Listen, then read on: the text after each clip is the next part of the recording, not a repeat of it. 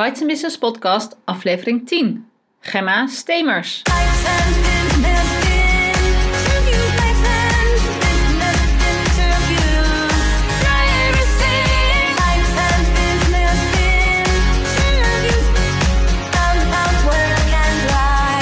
Welkom bij de Bites Business Podcast. Mijn naam is Marijke Krabbenbos en ik ben de bedenker en oprichter van Bites Business. Het netwerk voor ondernemende vrouwen met vestigingen in 20 steden in Nederland. Ga naar de site voor meer informatie. www.bytesenbusiness.nl In deze podcast interview ik elke week een lid van Bytes Business. Dit is altijd een ondernemende vrouw in loondienst of zelfstandig werkzaam. Ik interview haar over haar werk en over hoe ze in het leven staat. In aflevering 10 het interview met Gemma Stemers, kunstenaar en sociaal psycholoog en lid van Bites Business Leiden. Ik ben hier bij Gemma Stemers in haar atelier. Ehm, welkom Gemma in deze podcast. Dank je. Ehm, we zitten in een atelier, ik zie allerlei kunst om me heen. Eh, dus je doet vast iets met kunst. Maar vertel zelf, wat doe je qua werk? Nou, ik uh, doe twee verschillende dingen. Ik ben zelfstandig ondernemer als sociaal psycholoog. En uh, dat doe ik ook hier in mijn atelier.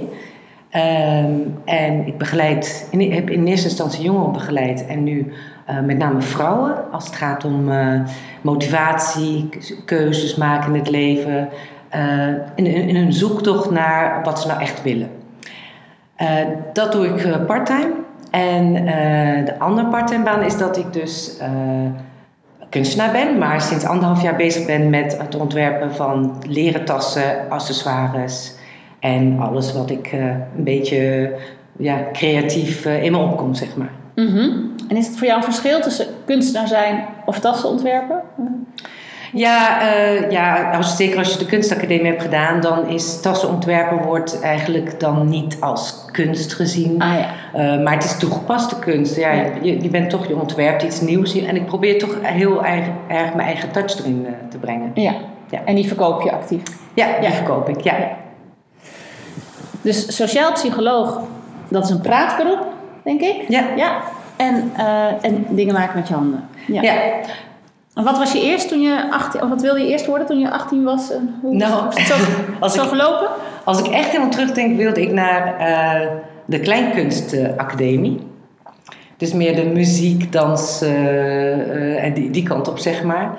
Uh, maar um, dat werd thuis niet echt helemaal als een serieuze studie gezien. En ik denk dat ik dat het altijd bij me is gebleven. En ja, ik heb het ook uh, vaak avonduren van allerlei cursussen gedaan. Dus dat was mijn eerste uh, ja, passie. Maar al, al gauw uh, merkte ik dat ik ook heel erg leuk vond om met ja, mensen om te gaan. En ben, ben ik me daarin gaan verdiepen. En nou, uit, uiteindelijk heb ik de twee kunnen combineren. Dus Mhm. dat is gewoon wel grappig hoe dat is gegaan. Ja. Ja. En heb je ze...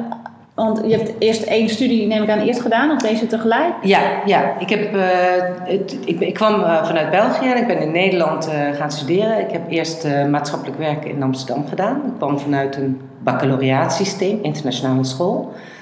En sprak namelijk voornamelijk Engels. Ik zat in de Engelse afdeling.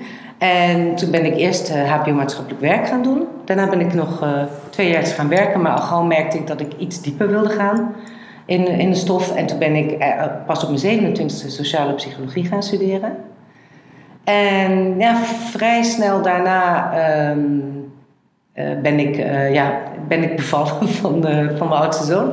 En toen werd ik gevraagd aan de universiteit om als um, AIO te gaan werken. Maar dat heb ik maar een jaar gedaan. Uiteindelijk ben ik het werkveld ingegaan. Mm -hmm. Dat is allemaal dus nog in de psychologie? Dat is allemaal in die ja? sector. En pas, uh, hoe oud was ik? 49? Ja, nee, iets jonger, 48. Toen ik, uh, ja, merkte dat ik te weinig, dat die creatieve kant te weinig aan bod kwam in mijn werk. Toen ben ik parttime de kunstacademie gaan doen. En uh, daarnaast nog blijven werken. Oh, dus ja. met allemaal ouderen samen in de klas? Ja, ja, bijna allemaal uh, mensen die of aan het werken waren of parttime deden. Er Ja. waren, de, de jongste was, denk ik, 30 of zo. Ja. Ja. En dacht je toen, oh, dit had ik tien jaar eerder moeten doen of twintig jaar eerder? Ehm, voordat ik daar naartoe ging, dacht ik, oh, misschien had ik dit eerder moeten doen. Maar eh, nu, achteraf, denk ik niet. Ik, eh, je moet behoorlijk bestand zijn tegen kritiek en uh, je moet behoorlijk uh, zelfkritisch zijn. En uh, het is niet zo altijd zo romantisch als dat men zegt, zo'n mm. kunstacademie. Het is, het is gewoon ook hard werken en dan ben je, eigenlijk ben je ook een beetje met jezelf bezig ehm, tijdens zo'n studie. Maar ehm, nu denk ik, nee, dit was, dat was de juiste tijd. Echt prima. Ja. ja. En hier zit je in een prachtig atelier waar je beide beroepen kunt huisvesten, ja, kunt uitoefenen. Uh, dat past ook wel bij mij, ook als sociaal psycholoog of als coach, hoe je het ook wil, wil noemen, als begeleider. Oh, ik merkte steeds meer dat ik, dat ik de omgeving wilde hebben die, waar ik mij goed in voelde. En ik merk ook dat ik alleen maar enthousiaste reacties krijg van mensen. Ik zorg dat hier als ze komen, allemaal netjes opgeruimd is. En er is hier een lange tafel waar ze. Uh, en vooral jongeren, uh, daar ben ik mee begonnen. Als ze hier binnenkwamen, ja, vonden ze het juist relaxed. Niet officieel met een, geen spreekkamer. Nee, precies. En dat, dat past bij mij en dat past, merk ik ook heel goed bij de mensen die hier komen. Ja, leuk. En je zegt, ik ben begonnen met jongeren en nu meer vrouwen. Wat is daar, eh, waarom, waarom doe je voor de doelgroep wat je, wat je doet? Ja, nou, ik, ik ben begonnen met jongeren omdat ik ook vanuit de jeugdhulpverlening kwam. Uh, dus die kende je, die markt? Ja, ik, ik had wel ook met vrouwen gewerkt en ik ook bij Blijf van Mijn Lijf gewerkt uh, vroeger. Maar de laatste baan die ik had was bij een jeugdhulpverleningssector. En de baan daarvoor was uh, voor alleenstaande minderjarige asielzoekers bij vluchtelingenwerk. Dus uh, inmiddels had ik een behoorlijk, uh, zo'n 10, 15 jaar ervaring in, in die sector. En uh, het, daar lag mijn hart ook heel erg. En nog steeds hoor, heel erg, om met jongeren te werken. Um, en dus ben ik ook in eerste instantie begonnen met jongeren. En pas sinds vorig jaar komen er volwassenen bij. bij. Ja. Omdat ik merkte ook dat de vragen eigenlijk ongeveer hetzelfde zijn, alleen in een, met een andere context. Ja. Maar dat wel heel vaak op hetzelfde neerkomt. En wat zijn typische vragen waarmee mensen bij jou terecht kunnen? Oh, terecht kunnen. Het verschil tussen waar ze mee komen. Ja. Ze kunnen sowieso met, met uh, heel veel soorten vragen. Waar ze in eerste instantie mee komen zelf, zijn keuzevragen. Van ik ben vastgelopen of ik ben gestopt met mijn studie. Of uh, als het om volwassenen gaat, ik vind mijn werk niet meer zo leuk. Um, maar daar beperkt het zich vaak niet toe. Want uh, jongeren die zijn vastgelopen, ik merk dat keuzes dan, het kiezen van iets, dat daar vaak al iets onder ligt. Wat niet lekker loopt of wat je dwars zit. Um, je hebt nu bijvoorbeeld ook veel dertigers, hè, die, de dolende dertigers zoals ze dat noemen. Um, dat, het zijn wel mensen met, met vragen over waar sta ik nu, wat wil ik eigenlijk. Ik ben of niet meer gemotiveerd of niet kunnen kiezen. Uh, in een zoektocht en op zoek naar uh, een antwoord erin. Ja. En hebben ze dat dan ook al elders geprobeerd? Of biedt school daar niet voldoende? Uh, nou, als het gaat om jongeren, um, vind ik dat het best tegenvalt. Um, je hebt wel studiecoördinatoren. maar heel veel jongens zeggen, en vooral de jongens die ik kom van ja, toen dacht ik daar niet zo aan of ik wilde, ja, ging daar niet zo snel naartoe. Sommige jongeren hebben bijvoorbeeld zo'n uh, studieadviestraject gedaan, of van een dag, zo'n trainingsdag. Mm met veel testen. Um, en sommigen zijn er gebaat bij, maar som, ja, heel vaak is het toch wel wat je daarin stopt in zo'n test, dat komt er ook uit en dat weet je eigenlijk al. En het, het ligt net vaak wat dieper dan van wat vind je leuk of het, het zit vaak net wat dieper en daarom bied ik ook trajecten aan van minimaal vijf keer voor mhm. jongeren. En uh, ja, wat volwassenen betreft, uh, ik denk wel dat het uh, specifieker is dan. Ehm, het is geen psychotherapie namelijk. Ik ben geen klinisch psycholoog, ik ben sociaal psycholoog. Dus ik neem de persoon en de hele omgeving erbij. En ik denk dat wel dat, wel, ehm, dat mijn, mijn kracht is om niet, om, om daarop te luisteren naar wat eronder zit en wat er dwars zit, maar ook om te kijken waar liggen je krachten en wat zijn je talenten. Daarom heet ik ook Talent op één. Ja. ja. En komen ze bij je via je website of via via of is het doorverwezen? Heel veel komt via via. Uh, en het is een soort, uh, het is iets wat is, is, uh, zich, zich aan is opbouwen in de loop van de tijd. soms, als ik bijvoorbeeld ergens een praatje heb gehouden bij een netwerk voor jonge vrouwen bijvoorbeeld. Of uh, met flyers. Eh, soms vinden mensen folders van mij bij de universiteit of op scholen. Of, ben je dus actief in? Ja, ja, daar mag ik wel wat actiever in zijn. Dat komt erom dat de meerderheid van mijn klanten komt via via. Dus dan is, is een jongere, er zijn natuurlijk best veel jongeren die uh, stoppen met een studie. En die zitten ook vaak, kennen ook vaak jongeren die ook gestopt Ja, zijn. ja, Dus, nou ja, op die manier. Ja. Het is niet meer eerste hand. Het is niet zo dat in het begin was het, was het echt wel heel dichtbij. Ja. En daar moest, je wel, moest ik wel voor oppassen dat Ja. het niet. eh, de, Kinderen van vrienden. Ja, precies. Ja. En je zit hier in Leiden, hè? dus je hebt een regionale functie. ja, Ja. precies. hey, en ehm, waarom doe je dit? Wat is de diepere why? En dat geldt natuurlijk ook nog voor de kunst, maar waarom doe je dit met jongeren? Ehm, ik merk dat er, eh, ik miste iets in de reguliere jeugdopleiding. Dat is de eerste, eh, zeg maar, de oorsprong van dat ik dacht, ik wil zelf iets gaan doen. En ik miste met name ehm, ehm, echte aandacht voor jongeren. Ehm, een wat positievere benadering. Ik vond het een, erg probleemgericht. En ik heb zelf twee jongens en ik merkte eh, ook dat eh, veel jongens ook, met name jongens, met heel veel vragen zaten. En ja, dat ik ook natuurlijk in de jeugdzorg had gewerkt, dacht ik, ja, daar, zit, daar ligt iets van mij. En de reden waarom ik het ja, nu nog steeds doe met echt heel veel liefde, is dat ik echt merk dat ik een verschil maak. Al is het maar heel klein. Ehm, ja, dat, dat geeft natuurlijk, daar, daar doe ik het voor. En Het is als- dankbaar om te doen. het is heel dankbaar om te doen. En ik krijg ook eh, hele positieve, soms ook van ouders, brieven. Een aantal jaren na dato van zo fijn, want eh, nou, hij is inmiddels afgestudeerd of hij heeft zijn weg gevonden. eh, Ja. ja. dus dat, dat geeft heel veel voldoening. Ja. ja. Ja. En het is al een belangrijk punt in hun leven natuurlijk, maak je een verschilletje of een verschil. Ja, ja, en ik denk... Een eh, cruciaal eh, kruispunt waar ze staan. Zeker. En ik, ik denk dat ik eh, dat, dat zelf niet zo heb gehad. Of een iets langere weg heb gemaakt om te vinden wat ik leuk vond. En zeker nu ik daar wat ouder in ben en afstand heb genomen...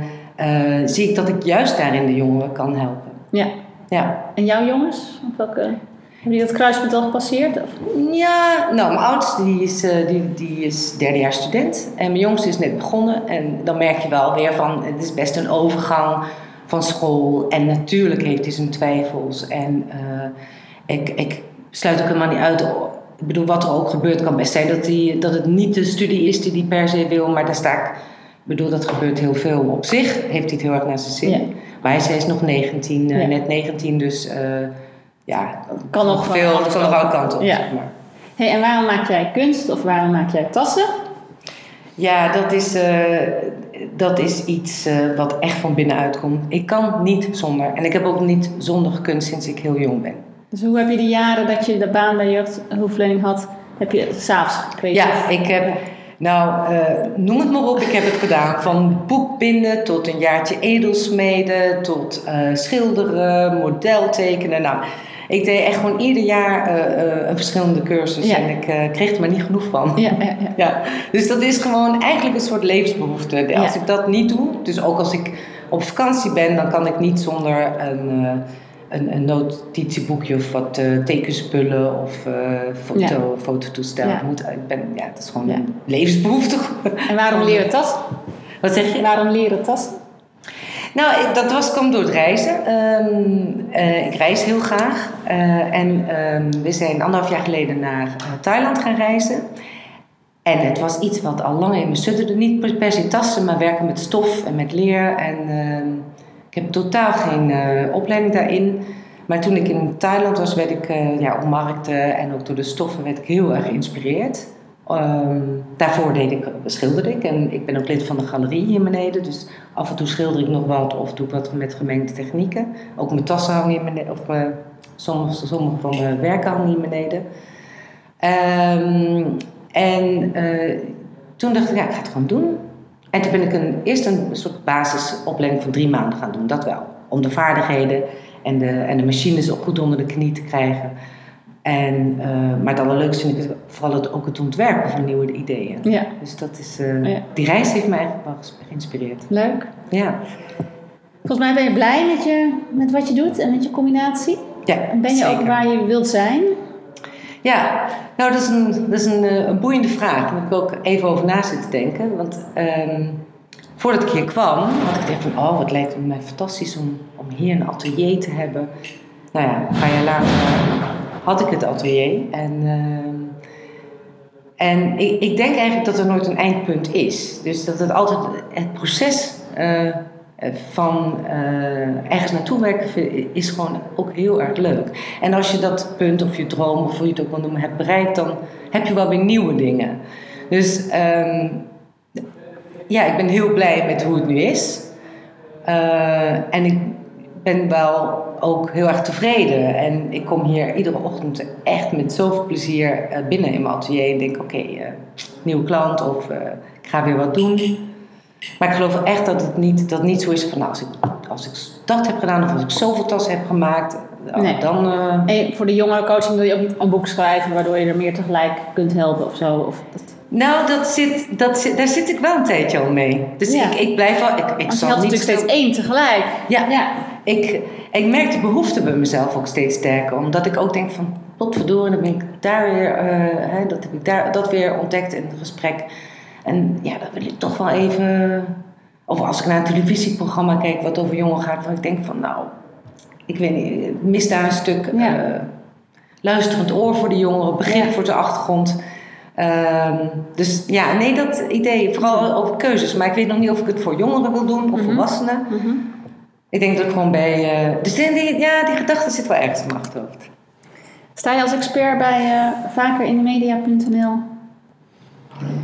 Wat bedoel je daarmee? De van Jongeren, dat is een site waar je je als expert kunt aanmelden. En als de journalisten dan op zoek willen naar experts, dan kunnen ze je daar vinden. Bij de, nee. van, bij de J van Jongeren zou jij in een bakje kunnen zitten. Wat, wat een goede tip. Ja. Dat heet media. Vaker in de media.nl. Vaker in de media.nl. Ja. Nee, wat een goede tip. Ja. Ik heb wel gedacht om eens een keer gewoon een artikel te schrijven en dat te sturen naar een uh, jongerenblad of ouders en jongeren, om zoiets te doen. Ja, gewoon alvast wat ideeën. Ja. ja. goed idee, goede tip. Hey, um, heb je je pensioen geregeld en vind je dat je voldoende binnenhaalt? Um, ik heb uh, een beleggingsregeling, zeg maar. Maar niet een officiële pensioenregeling. Mm -hmm. en, Je hebt ergens een potje. Ja, maar daar is wel bewust over nagedacht. Ja, want uh, mijn, mijn man en ik zijn allebei ZZP'er. En uh, dat betekent dat er ook tijden van onzekerheid zijn, waarin je af en toe moet grijpen in die pot, zeg maar. Mm. We hebben twee studerende jongens. Dus we hebben gekozen op dit moment voor een, een eigen potje in. Pot waar je bij kunt. Ja, dan beleggingsregeling, zeg maar. En kijk je daarnaar? Kijk je naar de koersen? Of, uh... Dat doen we. Mijn, mijn partner is econoom. Okay. Dus hij is daar echt expert in. Financieel econoom. Dus dan denk ik, dat laat ik gewoon aan hem over. maar nee, we hebben er bewust nu nog niet voor gekozen. Misschien later wel, maar op dit moment rendeert het te weinig. Ja. En we kunnen daar niet in. Dus je kan daar nog nee. niet eventjes, uh, als je een, wat minder werk hebt, uh, uit, iets uithalen. Dus. Ja. En je, en je klandizie van uh, coaching met je tassenverkoop? Met, ja. Nou ja, met mijn tassenverkoop, dat, dat doe ik nu dus zeg maar, nou, voordat ik echt uh, wat tassen klaar had, was ongeveer een jaar geleden. En dan, daar, dat zijn leuke bijverdiensten. Is dat een markten of een webshop? Uh, op dit moment nog via Facebook, maar ik ben nu bezig om lijntjes uit te zetten naar winkels. Ik heb al ik had in het verleden al vragen, maar ik was er blijkbaar nog niet helemaal klaar voor. Vooral, kijk, als je creatief bezig bent, is het heel persoonlijk. En denk je, ja, het kan nog net iets beter of het kan nog net iets mooier. Maar nu ben ik, denk ik van, nou, het is echt mooi zoals het is. En ik, ik, ik heb connecties. Het mag naar buiten. Ja, het mag naar buiten. Dus daar ben ik nu mee bezig. Ik heb net toevallig uh, afspraak gemaakt met uh, plaatselijke winkels. Dus waarvan ik denk, met, met die kleding of die winkel daar, of, of uh, pop-up shop, daar past mijn werk. Wat klanten betreft het loopt, het stroomt, maar het mag iets, iets meer. Ik, kijk, ik werk part-time, dus ik zou sowieso niet meer dan drie dagen daar uh, aan uh, ja, willen besteden. Ik wil die uh, twee dagen voor mezelf of voor het maken van tassen. En dat neem ik ook best wel serieus. Mhm. Dus ik plan ze, de klanten echt over drie dagen. Dat mag wel wat meer. Daar ben ik ook wel mee bezig nu. Ja. Ja, in connectie met universiteit en, en ehm, stagiaires die daar die ik, waar ik in contact mee ben oh, ja. van de afdeling psychologie. Ja. En heb je concurrentie hier in het, in het Leidse? Um, of kan jij ja, zeggen, ik ben de jonge coach van Leiden? Ja, dat ben ik zeker. Iets nou, harder. dat ben ik zeker. Nou, ik, ik heb wel een andere benadering. Het is niet... eh, Dan? eh, dan bijvoorbeeld een... eh, een ehm, je hebt bijvoorbeeld een breekjaar. De instituten die hier Dan de instituten die hier zijn. Je hebt of dat ze heel lang gaan. Dat, Ja. En er zijn veel jongeren die hier komen. Ja, ik wil niet een jaar in een breekjaar doen. En het is ook niet zo dat aan de universiteit hebben ze natuurlijk... En ook op de hbo's hebben ze natuurlijk wel... Studieadviseurs. studieadviseurs, maar die hebben daar echt beperkte tijd. En het Oh ja. heel erg gericht op de studie, dus één, maximaal twee gesprekken. En die zin vul ik wel een gat. Ja, want Eh. breekjaar is voor de luisteraars is een heel schooljaar Ja. waar scholieren of studenten voor kiezen om iets te breken en daar horen allerlei cursussen bij en veel en geld soort stages. En, en een instituut dat het aanbiedt. Precies, Ja. en dat is echt een jaar lang. En dan ben je echt een jaar lang bezig met wat, wat jij leuk, leuk vindt. Is een prima oplossing voor heel veel Ja. mensen. Zeker als Grote ontdekkingstocht. Ja, maar- ja. prima. Met. Ehm, maar ik heb natuurlijk ook vaak te, eh, te maken met jongeren die gestopt zijn met hun studie. Dus halverwege. En meestal is dat rond deze periode. November, december. Dan hebben ze de eerste maanden gehad. Januari, Was- februari is was het het drukste. niet? Ja. En dat was het niet. En, en dan is de noodzaak ook Ja. eh, wat En hoger. jij bent er op elk moment dat ze je nodig ja, hebben. ja, ik heb geen wachtlijst. Nee. Eh, en dat vind ik maar goed ook. Ja. Want ehm, nou, het werkt wel heel goed om er snel bij te zijn. Mooi. Voordat ze in de gat vallen. Ja. ja. Dan gaan we over naar deel 2 van dit interview.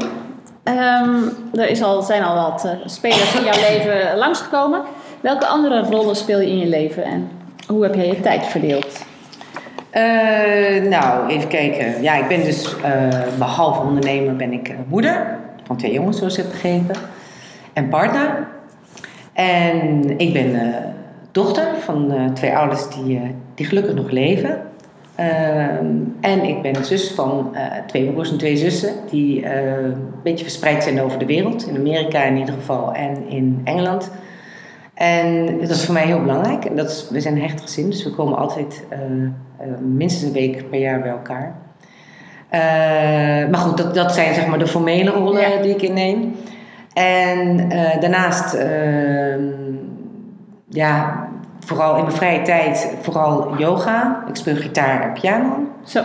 Ik heb bijvoorbeeld, we hebben vorig jaar tango lessen gedaan. Ik hou van dansen. En ik hou van muziekfestivals.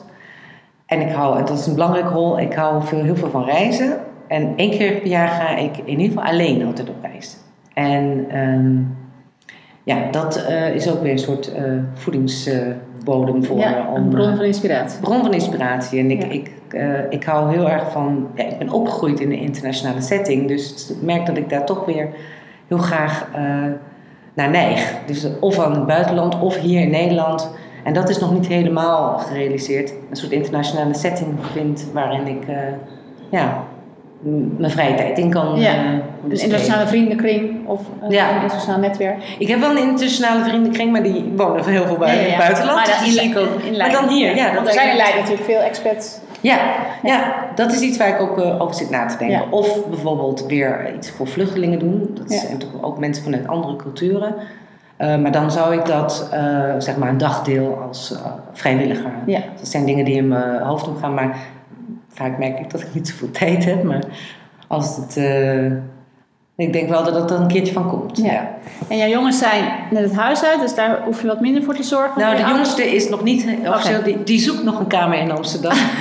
maar zijn vriendin heeft daar een kamer, dus hij blijft er wel een paar dagen over te zitten. Maar de oudste is al Ja. paar jaar thuis. Ja. Ja. En voor je ouders hoef je nog niet te zorgen? Want jij, ben je de ja. dichtstbijzijnde? Nee, dat niet. Ehm, zij wonen, eh, ik heb één jongere zusje in Nederland wonen. En eh, eh, zeker mijn vader, die, die heeft veel aandacht, of ja, wel heeft wel zorg nodig. Daar zorgt mijn moeder voor. Maar daardoor heeft zij natuurlijk ook extra steun nodig.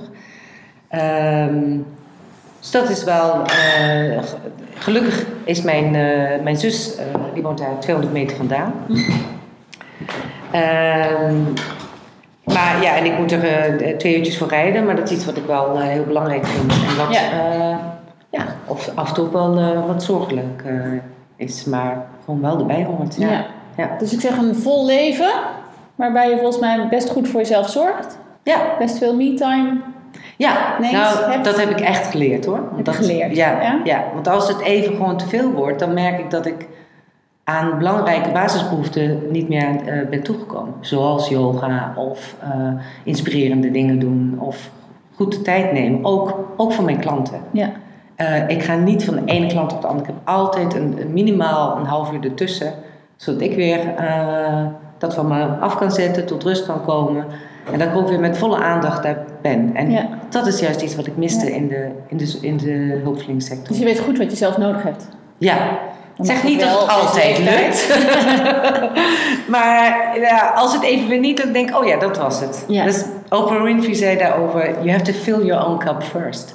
En dat is ook echt waar, want als jij die energie hebt, dan heb je ook de energie voor anderen. Ja. En voor je kinderen en voor je klanten. En dat iedere keer als dat weer iets te leeg raakt, dan merk ik, oh ja, moet eventjes... eh, en ook de, ook de vrouwen die ik hier in, de- in gesprekken heb. Dan merk ik gewoon heel vaak heeft het te maken met ja, te weinig energie weer hebben. En dan is het ook heel moeilijk om een keuze te maken voor Ja. iets. Of Ja. om te veranderen. Ja. Je moet echt, om, om iets te willen veranderen in je leven, moet je ook echt energie hebben. En ja, ik denk dat vrouwen heel vaak dat ergens op de zesde plaats zetten. Mhm. En, en ik ben ervan overtuigd dat dat, eh, ja, dat een soort levensles voor ons allemaal is. Ja, Luisteraars, zorg goed voor jezelf. ja zeker. Ja. Eh, wat zijn voor jou belangrijke waarden in het leven? Ehm, Familie, zei je net al. ja, Ja? familie vind ik heel belangrijk. En ja, ik, ik, ik merk wel, en ik denk niet dat ik daar de enige ben, dat de, de maatschappij wat harder aan het, aan het worden is.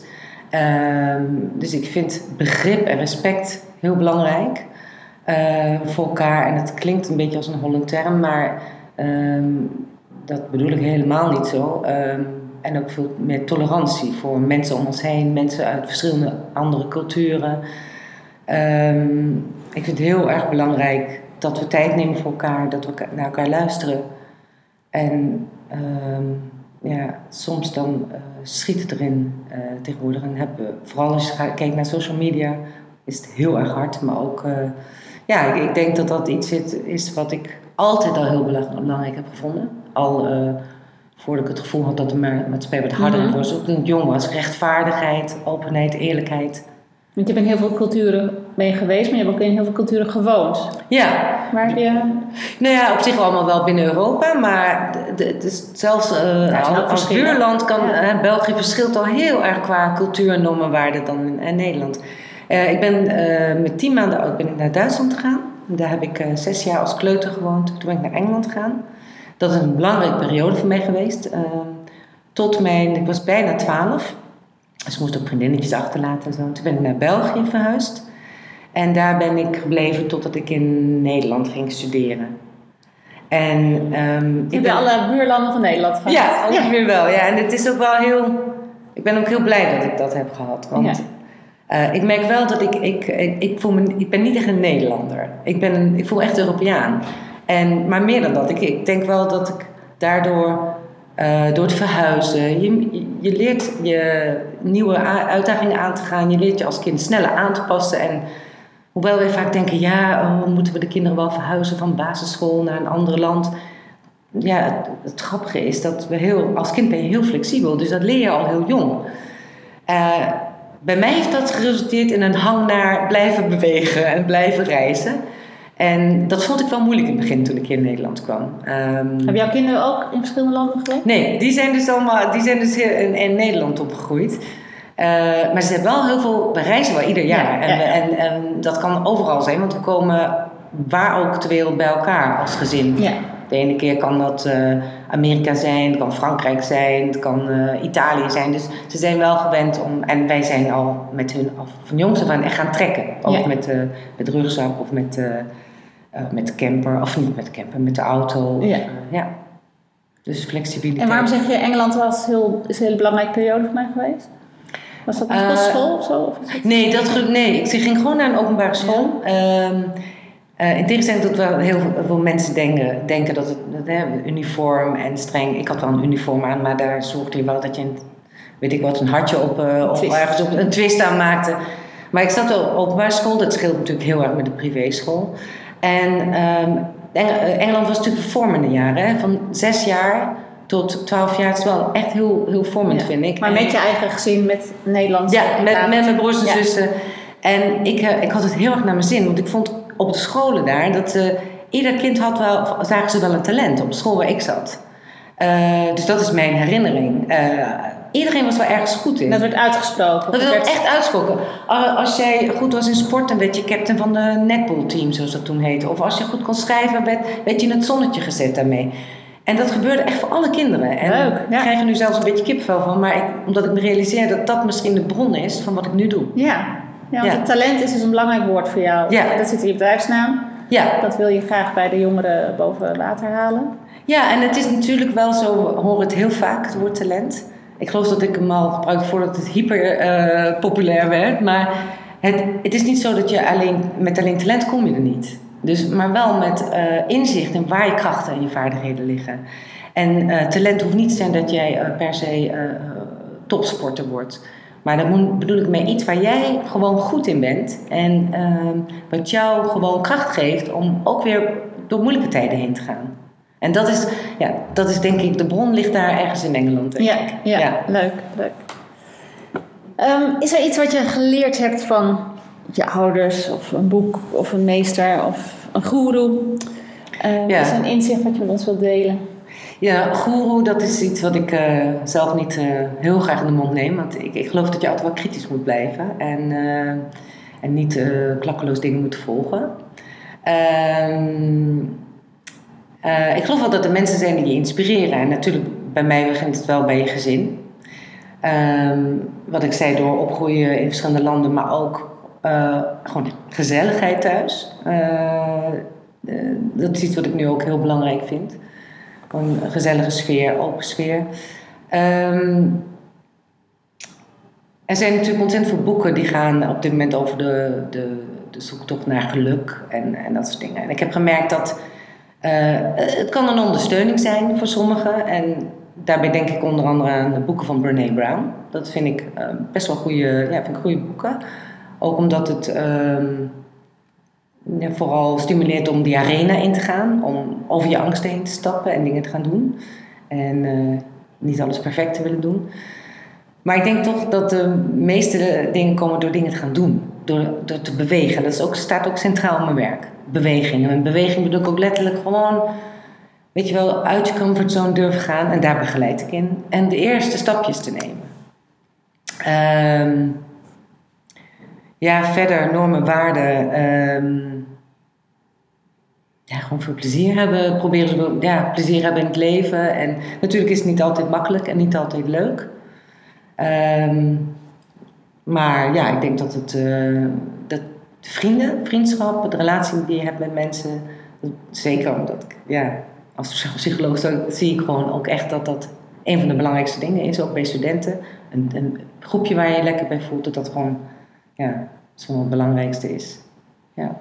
Vastgeroest is niet een woord dat in jouw vocabulaire voorkomt. Nee, dat zou mij. Nee, nee, nee, eerder tegenovergestelde. Rusteloos. Ja, een beetje als een vlinder die eh, van de ene bloem naar de andere.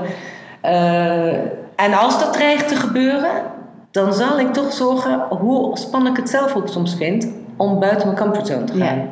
En dat doe ik Je dus. beseft dat goed genoeg. Ja, dat ben ik gaan doen met het reizen in mijn eentje. Ja. Omdat ik merkte dat ik inderdaad een aantal dingen worden vanzelfsprekend. Hè? Je partner doet dit en jij doet dat in het huishouden. En dat ik dacht, oh god, hoe maak ik alweer een fiets? Nou, de eerste beste reis die ik alleen eh, maakte, eh, ging echt halverwege eh, mijn fietstocht de ketting kapot. Maar ja, ja dat lukt je gewoon. oplossen, door- ja. Weet je wel, dat soort dingen. Dat, dat ontdek je ook als je reist. Ja. Ja, mooi. Je wordt er flexibeler van. Ja. Ja.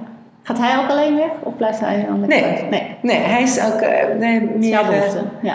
Ja, het is echt mijn behoefte, ja. Ja. Maar hij is wel enthousiast over de reizen die we samen maken. Dus dat vindt hij ook, eh, ook hartstikke leuk. Dus, ja. ja, want hij heeft een, dus een behoorlijk internationale vrouw getroffen. ja. Ja. En hij is eigenlijk hartstikke Limburger. En eh, ik, ik, ja, heeft eh, heel zijn leven, heeft zijn schooltijd in Limburg eh, is die opgegroeid. Dus dat is misschien wel een goede aanvulling voor mij. Ja. Me af en toe houdt hij me even weer met mijn voeten op de Ja. grond. Ehm, hey, we naderen het einde, maar ik ben nog wel benieuwd of jij een motto hebt in het leven. Ja, ja. Ehm, nou, een van, de, een van de motto's die ik eh, van een docent hoorde tijdens de kunstacademie, die vond ik wel mooi, die hoor je nu wel steeds vaker, is dat alles wat je aandacht geeft, groeit en bloeit. En ik merk dat iedere keer, of het nou is in mijn werk met, uh, met vrouwen, met jongeren of in mijn werk uh, als kunstenaar. Als ik te veel ga denken aan het eindresultaat of waar je wil komen en niet richt op van waar, wat, hè, wat, waar ben ik nu mee bezig, um, dan gaat het mis. Maar als ik mijn aandacht richt op datgene wat ik doe ben dan, en dat, daar ook volhoud, dat is iets wat ik wel ben, ik ben wel een doorzetter, um, dat dat echt werkt. Ook voor anderen, ja. En een andere uh, die, die ik al sinds mijn, uh, nou, mijn, mijn 18 of zo heb, is uh, niks menselijks is ons vreemd. En um, ja, dat is vooral omdat als mensen nogal te snel oordelen, dat denk ik van nou, zoiets zou ik nooit doen. Nou, onder bepaalde omstandigheden, en kijk nu bijvoorbeeld naar vluchtelingen, mensen die hier naartoe komen, die hebben verschrikkelijke dingen meegemaakt. Um, nou ja, als jij in zo'n situatie was, wat, hoe zou jij je dan voelen? Weet je wel? Dat is gewoon, het gaat ook een stukje over perspectief voor, uh, hoe noem je dat? Vanuit een ander perspectief kijken. En de omstandigheden zijn, kunnen je ja, dwingen tot. Ja, of, ja. ja. En ik denk dat het ook belangrijk is, want soms, klinken, soms kan je ook mensen hebben die misschien iets doen waar je denkt dat is raar. Maar als je daar een beetje open voor staat, dan kan je daar ook begrip voor, meer begrip voor krijgen. Ja. Ik wil niet zeggen dat het altijd goed is of zo, maar het helpt denk ik wel. Ja, mooi. Uh, je bent lid van Bites Business in Nijmegen. Leiden. Uh, Leiden, sorry. Ook in Nijmegen, maar Leiden. Um, wat is netwerken voor jou? Hoe, hoe sta jij in netwerken? Um, nou, uh, ik heb ook een, een, een van jouw interviews eerder gehoord en dat, dat, dat, vond ik ook heel erg zo. Officieel netwerken is iets waar ik dacht van, nou, dat dat, uh, dat hoeft voor mij niet. Ik heb het wel gedaan, maar ik merkte dat uh, met honderd mensen en inderdaad een lezing. En nou, een lezing kan trouwens interessant zijn, maar, maar met heel veel mensen en snel praatje of zo, dat past niet bij mij. En ik merk dat ik niet bewust netwerk. Wel zo, je moet wel erop uitgaan. Um, en dat maakt het Bites Business zo leuk. Je gaat erop uit. Je, je gaat bewegen en je moet aandacht geven aan mensen. Precies. En dat zijn jouw dingen. Absoluut. En ik moet zeggen dat ik ook wel geneigd ben om uh, binnenkort eens een keer eh, het land door te gaan. Om bij verschillende uh, netwerken te gaan kijken. Omdat ik het wel leuk vind om weer ja, nieuw bloed en nieuwe ja. andere nou, visies te zien. Haarlem, ja, dus dat, dat is het. Dus het gewoon inderdaad het informeel. En inderdaad niet met het doel van, oh, misschien kan ik daar een klant krijgen. Dat, werkt, dat werkt volgens mij helemaal niet. En gewoon ja, je, je raakt geïnspireerd door andere mensen. En misschien inspireer je, heb je tips voor anderen. Dat, dat vind ik het leuke eraan. Ja, ja. mooi. Ja. Um, waar kunnen mensen meer over jou vinden als ze een zoon of dochter hebben die met uh, of zelf. keuzes maken, of, of, of die een tas zoeken, of die zelf eens met jou willen praten? Nou, mijn, mijn website voor, uh, als sociaal psycholoog, uh, daar vinden ze me onder talentop1.nl. En dat is een beetje, dat is www.talent met een middelste streepje op middelstreepje cijfer1.nl. Ik zal hem erbij zetten. Ja, ja. ja. Um, en verder kunnen ze me vinden op Urban Art Experience. Dat is nog een beetje naam uit een vroegere tijd. Uh, Urban Art Experience, maar het heeft wel heel erg te maken met mij. Uh, het beleven in een stad van verschillende dingen. www.urbanartexperience.nl En daar vinden ze verschillende dingen die ik ook vroeger heb gedaan, ook nu. En uh, ze kunnen, en ook als het gaat om talent op één, mensen kunnen gewoon uh, vrijblijvend gesprek komen. En ja, kijk altijd van, klikt het? Vind ik het wat? Um, en dan kunnen ze kijken van, uh, is het iets voor mij? En dan ben ik hier in Leiden te vinden. Nou, heel goed. In mijn mooie atelier. heel hartelijk dank voor dit gesprek. Graag gedaan, vond het heel leuk. Dit was aflevering 10 van de Bites Business podcast.